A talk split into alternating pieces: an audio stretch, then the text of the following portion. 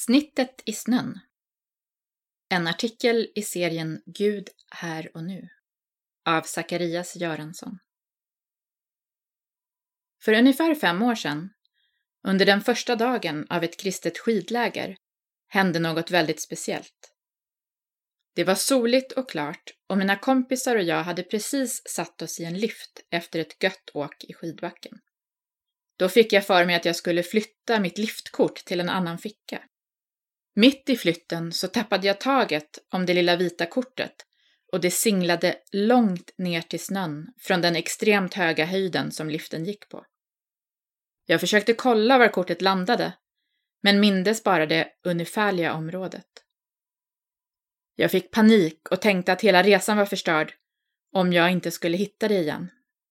Så jag bad till Gud om och om igen. Snälla Gud, låt mig hitta kortet. Jag fortsatte att be hela vägen upp och åkte sedan störtlopp ner och bad hela vägen samma mening. När jag kom ner så stannade jag förtvivlad och var beredd att spendera hela dagen på att leta efter kortet. Då såg jag ett litet smalt snitt i snön precis bredvid min skida. Jag stoppade ner min handske i snön och drog upp det som var mitt eget liftkort.